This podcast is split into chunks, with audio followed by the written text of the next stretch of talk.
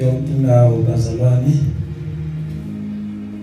la lo myalezo ufinyelele khona na sithathe lethuba sibingelele haleluya Amen. sibonga ukuphumelela kwenu eh hlezi kuyi sibusiso kuthina haleluya Amen. sisazobonisana ngeindaba zika baba uNkulunkulu Amen. praise be to the lord Amen. haleluya Amen.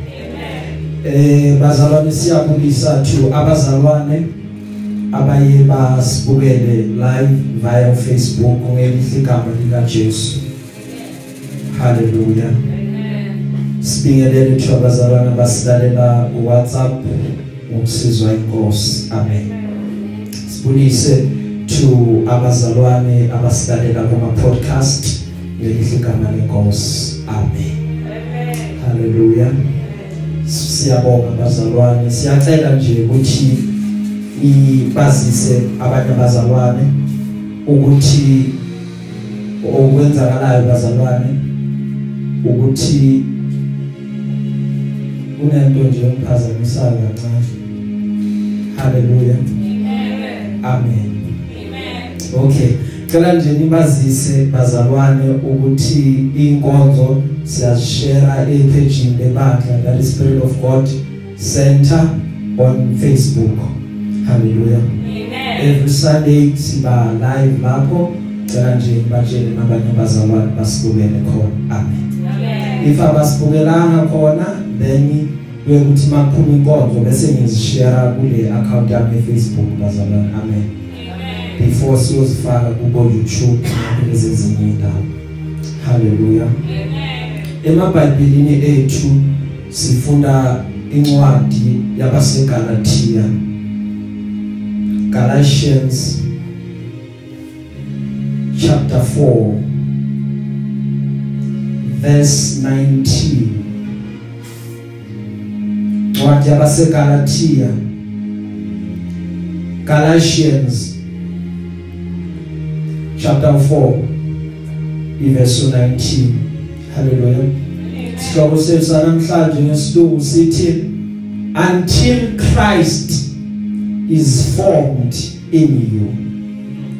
Kuze kufike isikhathi la uKristu ebunjwa khona phakathi kini haleluya Amen. kuze kufike isikhathi la uKristu ebunjwa khona akheka khona phakathi kini siyafunda in English? Again the book of Galatians chapter 4 verse 19 uthi Paul umekhuluma nebandla laseGalatia Oh my dear children I feel as if I'm going through labor pains for you. Again and they will continue until Christ is fully developed in your lives. Oh my dear children I feel as if I'm going through labor pains for you again. And they will continue until Christ is fully developed in your lives.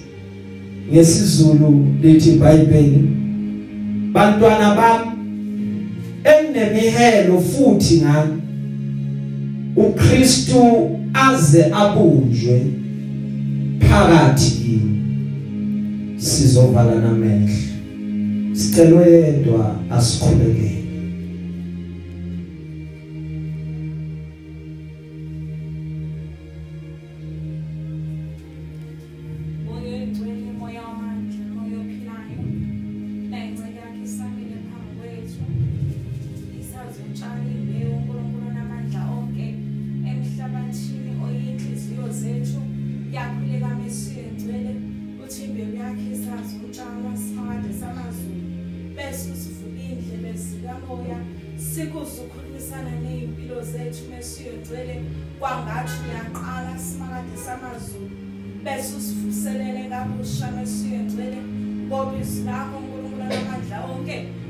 uNkulunkulu onamandla onke aliphuma iMesiya egcwele lingawenza umsebenzi liphuma bese lenza umsebenzi.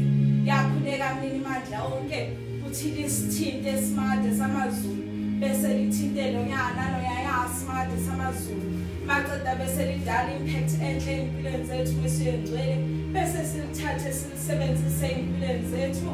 Siyakhuleka kulesi sikhathi. Sikhuleke egameni nasegazini kaJesu Kristu waseNazaretha. amen amen. Amen. Bazalwane amen. Siyabonga. Amen. uKristu azabunjwe kimina. Haleluya amen. Siphila nje sisemhlabeni nje sikholwa nje. Sine mandate eyodwa ukuba sifane noKristu. Sine mandate eyodwa yokuba uKristu abunjwe kithina uKristu njengoba ephila sikwazi ukuthi sithi uyaphila phakathi kwethu. Haleluya amen. Ngoba kwaba khona isikhathi la afa khona waphinde wavuka. Now imystery yaloko ukuthi ngekathi angakafi bekaba sendaweni eyodwa ngesikhathi esisodwa. Kwathi uma sekafile wafana nembewu emhlabathini. Kwenzeka imultiplication process. So that azoba seyindaweni eziningi ngesikhathi esisodwa. So that masithi thina mina ngifile esonweni ngiyaphila kuKristu. Ngisho ukuthi uKristu uphila ngaphakathi kimi. Ngobani? Ngoba walinqoba ithuna wavuka. So imultiplication ngenkathi yenzeka ezweni lakamoya wasuka spiritually waqeda wangena kimi. Amen. Now that is why ngizothi njalo mangahamba noma ngikhuluma mina ngiwumntwana kaNkuluNkulu Kristu uphila ngaphakathi kimi. Yeah. That's the first step. The second step yile uPaul ayitshela labazalwane. Ngoba mawufunda lapha phezulu uthi sengiyisitha yini kimi ngokuba ngilishumayeza iqiniso. So uyabona ukuthi abantu iqiniso akubona ukuthi abalithandi manje. Dala baqala ungalithandi. Umuntu uzakuzonde akuzondele iqiniso. So uthi mase kabatshelile konke lokafuna ukubatshela bona ukubatshela kona athi sengenza into eyodwa. Umkhuleko wami nawo ukuthi i'm going through ilabor ama labor pains njengowesifazane oyozala inga ukuze uKristu abunjwe phakathi ukuze kuzoba nokwakheka kwakaKristu kimi. Ngiyavuma yesi nishilo nathi niyakhona ngiyavuma yesi nifakazile nathi igama lakhe yilona elingaphezulu kwawona wonke amagama. But kunalento engibonisa shoda yini ukuthi uKristu abumbeke phakathi yini ungathi i am a christian ngiwumzalwane kodwa inkambo yakho iphambane nalento oyishilo amen. Kahle kahle befanele ukuthi ungasho nanokusho ukuthi ngiyakholwa mina. Ngiwumzalwane mina izono zami ngithethelele befanele ukukhulume inkambo yakho. Bathi mabakubuka uyakholwa lo asenzi noma siyabona khona akafani na because we announce kahle kahle lento bayibona kuwe.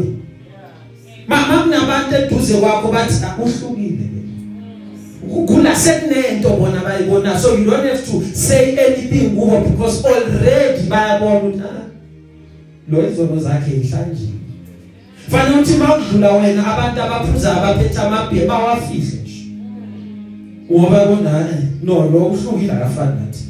Bangajabule ukuphuza phambi kwakho hayi nenkinga sabona haleluya amen. noma befika bazohleba amagama abantu Yeah. mina hayi lo akathipha asizikhulumi lezi kuyo because siyabona uhlukile kunathi kusho ukuthi kunande uKristu uyafomeka kuwo usuku nosuku suku nosuku until abantu bafakaze bathi ngempela uhamba noKristu haleluya akufunekanga bathi mababuka wena bese babuka uKristu bese bayakuphikela ukuthi uyakholwa. Bathi hayi lo makathi uyakholwa hayi nami vele amane ngiyothinta ithi iBhayibheli lami la ngibeka khona ngibuyele. Sengena kanje haleluya ngoba kahle kahle bemkristu silungisayo asizilungisisi thina.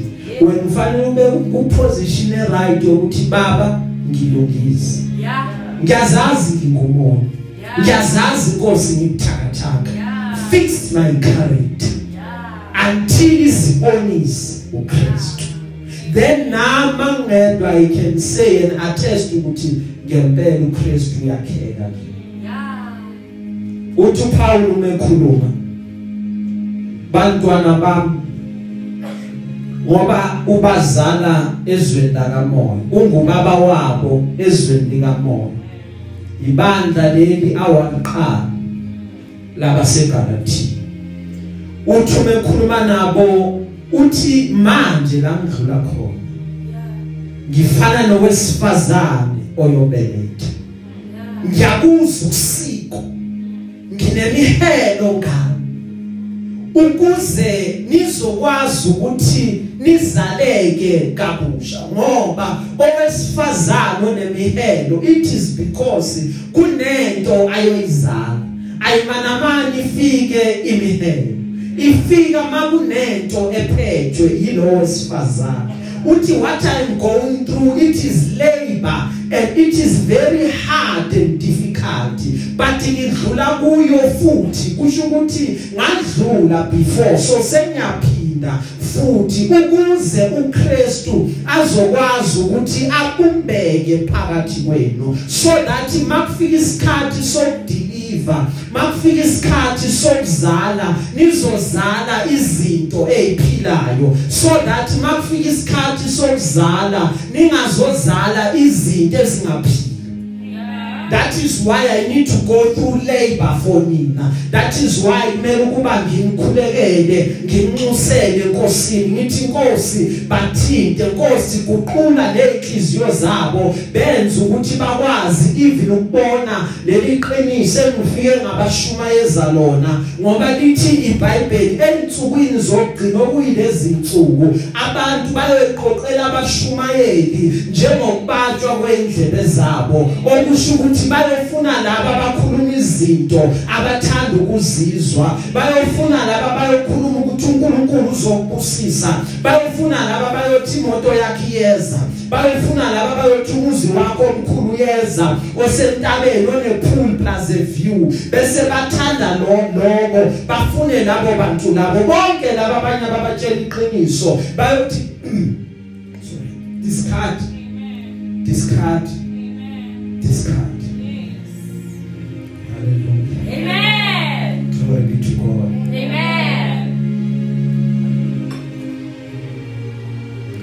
Lithi iBhayibheli eGibhithe kuke kwenzeka kwafika abantwana bakwaIsrayeli. Yeah. uma sebangenile abantwana bakwaIsrayeli lithi iBhayibheli baqala bakhula banda baba baningi baba baningi. Uma beba baningi uJoseph seshonile uma beba baningi uFaro lo Joseph abekade amazi bazwana useshonile. Kwabakhona inkosi enye ehlukile inkosi entsha yangaleso sikhathi. Yabuka abaseGibhithe yabuka amaHebheru yaqala yakhathazela yathi mele senze something. Yaya kubabelethisi yafike yathi kubo njalo manibona abantwana bamaHebheru bezalwa. Make it a point ukuthi maku abantwana babafana niyababulala. Make it a point ukuthi maku abantwana babafana abaphili. Why? Ngoba lo mfana umfana uphethe a seed ekwazi ukuthi imultiply igeneration. So uma kubulawe umfana kuqediwe ngegeneration. That is why namhlanje kule nsuku esiphila kuzo iningi labantwana babafana bayabulawa the enemy is holding them ransom. Bangenile kuma drugs bangenile kubonyawupe babemakhoneni ungafunga ukuthi balele kanti bamile. Ingoba kubulawa la bayakhona usathana ukhipha umyalezo wathi the main seed ayizukufika la ayidalele uNkulunkulu ukuba ifike khona because usathana uvuzama ukuphutsha agenda yakhe ukuthi ufuna ukuparalyze the oncoming generation. So that sizoba sesimeni la sixakeka khona ukuthi siyokwenze njani ngoba igeneration esilandelayo ayikho kuposition yayo.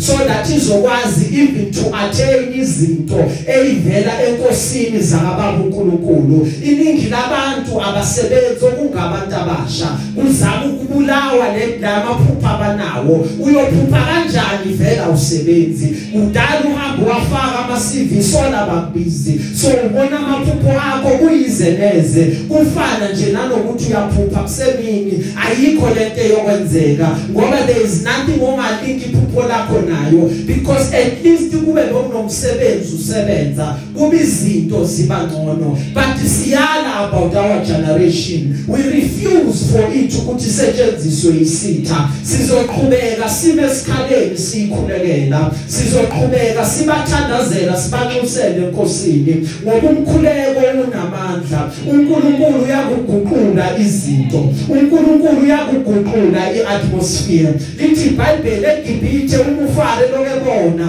abantwana bamaHebheru belokhu bezalwa babafana. Wabuyela kubabelethisi. Wathi ingani ningabavimbi labantu abazalayo? Ingani ningathatha abantwana niyobabulala?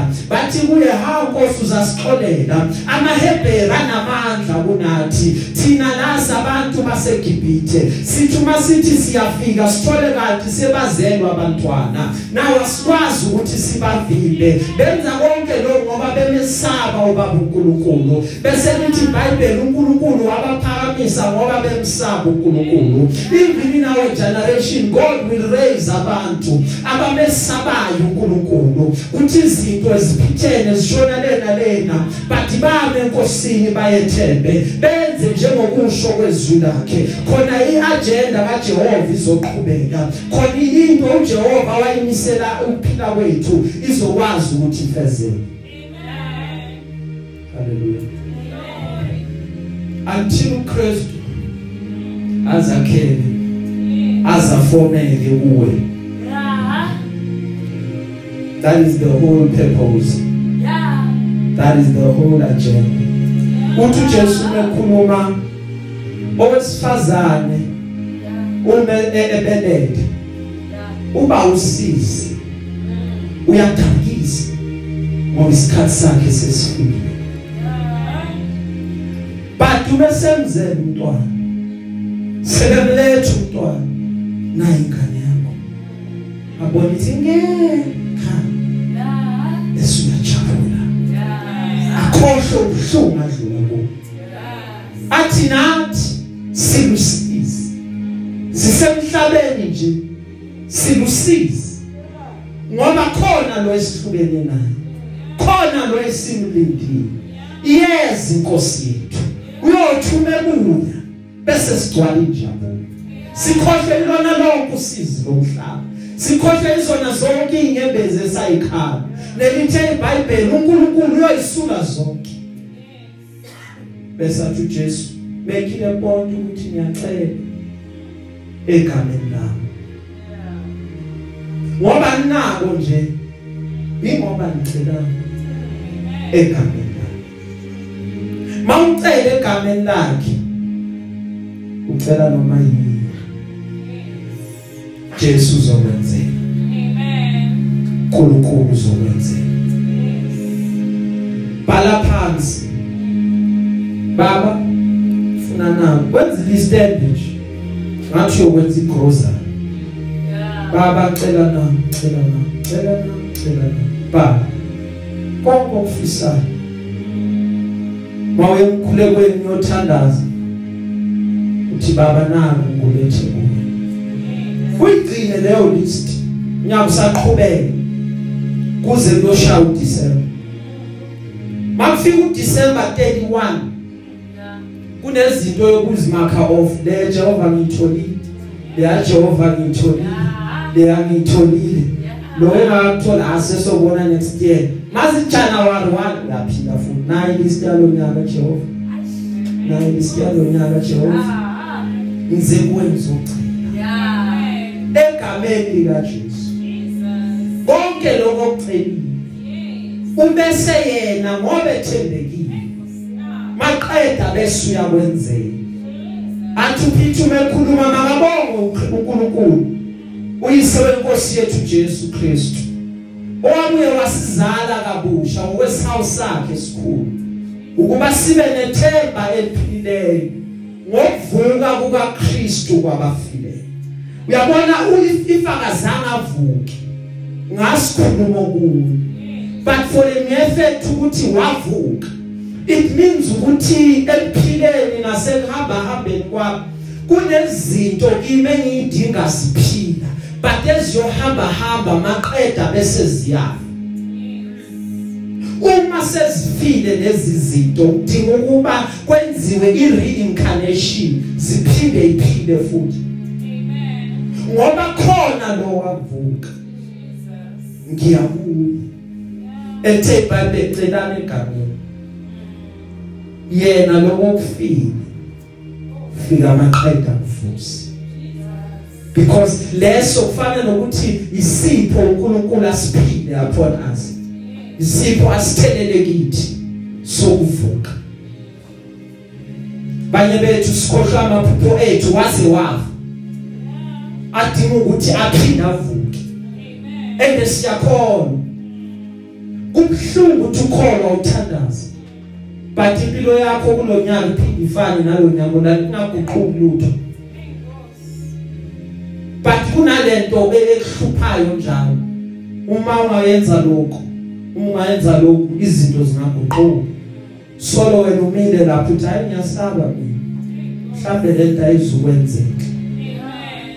kanti into uNkulunkulu ayibeke kuwe ukuthi izoguqula impilo yakho. Paul nekhuluma nalabazalwane landelani mina lingisani mina fuzani mina njengokuba mina ngifuza uKristu. Mina ngihlale phansi ngabuka uKristu kuhamba kwakhe. Ngabese ngithi ngifuna ukufana nangalendlela ahambe ngayo so uthi uPauli ningabuke ekudeni. Bukani la kimi ukuthi kuhanjwa kanjani? Mina ngiyakunikhomba indlela yokuhamba so that nina nizofana nami. Uma nifana nami in turn nifana noKristu. Then kusho ukuthi le character iyakheka kaKristu kimi. Because nina njalo manibonakala fanele abantu babone uKristu ophila ngaphakathi. Until Christ is formed kuwe Yeah. athi uPaul ibani ngabantu abalingisa uNkulunkulu njengabantwana abathandekayo. Nihambe othandweni njengaloku uKristu wanthanda wayinikela ngenxa yethu abe ngumnikelo nomhlatshelo abe iphunga elimnandi kuNkulunkulu. Impilo yakho yokhona idinga isacrifice. Kunezinto efanele uyinikele kuzo. Kunezinto efanele uyincishe zona ukuze uKristu azofomela kuwe. Impilo yakho idinga ukuthi ezinye izinto uthi ah ngena. Ufane nalawa amadoda ama- ama- amathathu. Engabomane lamadoda wawu4 lithi iBhayibheli bathi asizi ukudla. Ukudla kwenkosi. But sizakudla imifino kuphela. Uma bebaphi imifino eBabiloni lithi iBhayibheli babonakala benamandla babonakala bestrong. Ngobani? Ngoba bayingcisho kuthini haleluya Amen. izincisho kuthini khona uKristu azofomeka kuwe. Never be too full of yourself. Kuze kube kungabonakala uKristu lafanele angene khona. Njalo noma ukhuleka ithi Nkosi empty me of me so that wena ungcwalise ngiyazazi mina ngikuthakathaka. Ngiyazazi mina nginenkani ngiyazazi mina baba uzwisisi but ngikhiphe khiphe konke lokho bese ungcwalisa ubuwena bese ufaka ubuwena ngoba injongo yami yinye ngifuna ukufana noKristu. Haleluya Amen. ngoba even uKristu umekhuluma uthi mina ngizenzele kwami angenzi ukuthandwa noma ukufiswa yini kodwa konke lokho ngikwenzayo ngenza intando yalo ongithumileyo haleluya Amen. so kuyona yonke into esiyenzayo sifuna intando yakhe intando yakhe ilungile yize thina singaqondi but intando yakhe a- ayinaphutha intando yakhe ayiphazame ngalutho.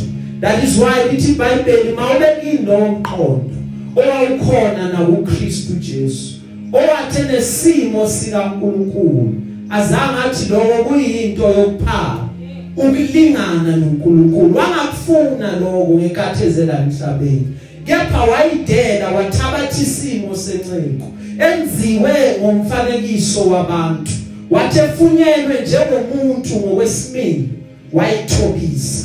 Lithi iBhayibheli elalela kwaze kwaba sekufeni. Yebe ekufeni kwani kwesiphambano? Yebe ekufeni kwani ekufeni komuthi? Lo elithe iBhayibheli umuthi wohlazo. Bese lithi iBhayibheli ngaloko uNkulunkulu wamphakamisa kakhulu wamnikeza igama elingaphezulu kwamagama onke ukuze ngegama lika Jesu onke amadolo maqeda bese ayaguqa. Amadolo wabasezulwini ayaguqa amadolo wawasemhlabeni ayaguqa. Amadolo wabangaphansi komhlaba nawo ayaguqa. Nelimi zonke bese ziyavuma ukuthi uJesu Kristu uyinkosi kube inkazimulo kuNkulunkulu yise so yonke lento isivezela ukuthi kune hierarchy noma kune pattern elandelwayo. Uthi uPaul njengoba ngimzala mina enkosini landelani mina njengobaba wenu. Mina ngilandela uKristu. uKristu ulandela uNkulunkulu so that at the end of the day uma lezi zinto ukuhamba kwethu inkambo yethu ihlanganiswa kubonakala ukuthi lonke udumo lubuyela kubaba uNkulunkulu. Manje uPaul mangabe khona umuntu oyakungikhathaza ngoba emzimbeni wami right now ngithwele izimpawu zikaKristu.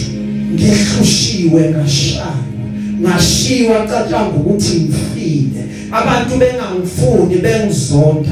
Kwabakhona isikhathi la bangigijimisa khona bafuna ukuqeda ngami. So kubona konke sengifike ku position la ngithi khona ngidinge umuntu oyakungikhathaza because manguku umzimba wami ugcwele izibazi ngoba lempilo esiphilayo nalobizo esikhethe ukuthi silandele ngenkathi uNkulunkulu esibiza luyabiza ebeligcwele izibazi ligcwele ukushayeka ligcwele futhi ukushiywa noma ukuhlubukwa abantu. Abantu bayakushiya lokubambelele entweni yakho uminde uthi uNkulunkulu vele uyinkosi. Basuka abantu bahlehle ucabanga ukuthi bazoma nawe ubone bangami nawe. But uyaqhubeka because konke lokho kuba yibazi zakho zendlela kuba izinto ongayikhomba ukuthi uNkulunkulu ngelinye lamalanga wangidlulisa lapha waphinde wangidlulisa lapha. So ngihamba nje nginobufakazi. Konke la bekade ngidlula khona bekade ngidlula nje ngiqoqa ubufakazi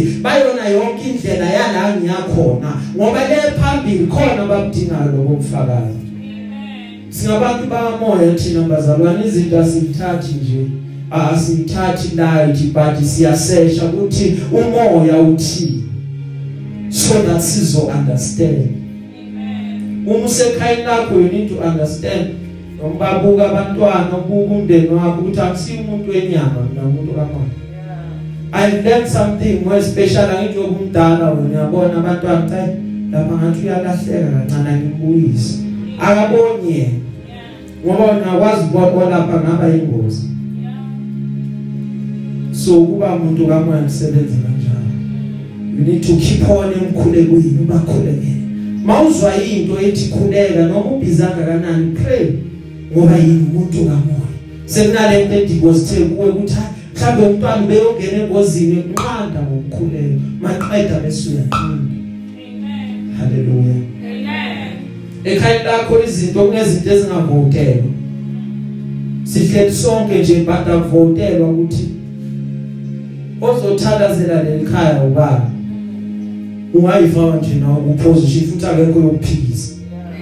Uthi ngizokhulekela lelikhaya every day ukuhamba hambe nje ejardini lonke uthandaza ya cause moya obumnyama wenze yonke into. Baba sikusisi baba lo mhlaba lo siubhekile la ekhaya ngathi mncane Nkosi yandisa umhlaba wethu. Enlarge our territory. Ukhuluma izinto oyifunayo. Baba la ngidinge inkinga kuleli khaya. Bonke abahlala la bazo actor right accordingly. Ukhuluma izinto ezweni lakho lezo zinto ziyaqala ziyamanifest haleluya Amen. engacabangi na ukuthi khona uzakuphikisa aphikisane nawe mawenze kanjalo Amen. Haleluya Amen. because kwesinye isikhathi angithi abanye abantu baba nenkinga mawuthandaza bathi uthandaza kakhulu. Ilula-ke awuphikiseli uthandazela ngaphakathi. Bakubona lokuhamba hamba ufake nesifolo noma ukhuluma amagama ayi-two ayi-three akekho ozozwa ukuthi bekade uthini uthi baba ngiyakuzwa nali khona lilonde Jehova naleli yakhona kuze ungene ukube kuleli khaya. Nabahlala khona. Amen. Ungene nasemakamereni abo bakhulekele uthinte even ama possessions abo impahla zabo zokugcoka uyithandazele Amen. mawuya nje lapha esitolo uyothenga impahla ungamangcoki khulekele haleluya Amen. kuze uzobona some of the significance ezinye zezinto. Ku- kukhona impahla ozithenge manje mara zigugile. Kukhona impahla oyithenga kudala mara zisekhona haleluya Amen. so uma udinga noma ngayini ukuthi uqhube yimikise ikhule kwena Amen. uNkulunkulu athi uIsrayeli ngenkathi ehamba for 40 years ingubo zakhe alizange iguge icathula zange ikhule icathula zange idabuke kuyini ukuthi ngifike enkosini ngizokhuleka? Baba ngizokhulekela impahla zabo abantu bangena ejardini bathula iwashing yonke. So ngahlala kanjani ngayikhulekela haleluya Amen. umuntu kamoya wena. Understand lokho ukuthi wena umuntu kamoya. Elithi iBhayibheli thina siphiwanga umoya wobugwala kepha siphiwa umoya wamandla nowothando kanye nomoya wokwazi ukuthi sikhuze ingqondo zethu bazalwane kumele zibe prepared. Kumele zilungiselelwe zi- sizithinde ingqondo zethu. Bese siyathembela kumusa kaNkuluNkulu opheleleyo ukuthi ngawe lo musa uJehova sipha wona. Kuzokwambula uKristu kithi glory be to God. Amen. ngoba uthi uJesu nginikile amandla namagunya nina nonyathela inyoka nofezela. Naphezulu kwawona wonke amanye amandla wesitha akukho nokodwa kuyonenza anything uma uqhubeka uphila you need to know and understand. Uthi angisilona igwala mina but izulu classifies me njengeqhawe. Nginegunya ngaphezulu kwabona konke. Noma ngabe ngibona ini i can command leyo nto. Elithi iBhayibheli uElijah wayengumuntu efana nathi. But wathandaza wathi imvula ayizukuna. Kozibuye kusho mina and for sure ngoba uJesu ushilo wathi lezi bonakaliso ziyabalandela abakholwa yini? Ngegama lami bayakhipha amadimoni ngegama lami bayakushumayela ngezilimi ezintsha bayakuphatha inyonga uma bephuza okubulalayo kuzukwenza nto. Akuzukwenza lutho. Akusoze kwaba nangozi kubo. Bese babeka izandla kwabagulayo maqeda abagulayo baphila. That is the assurance. Sinikiwa amandla sinikiwa amagunya wokuthi senze zonke lezi zinto. Until uChrist akhela phakathi kuwe until uChrist abumbeka phakathi kuwe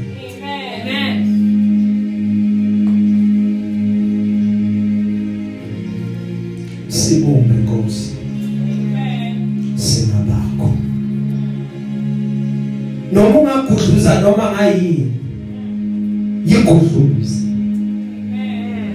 noma ungagudluza noma ngawubani Yes. makasuke Nkosi khona kuzobumbeka lento owangibizela ukuba ngibe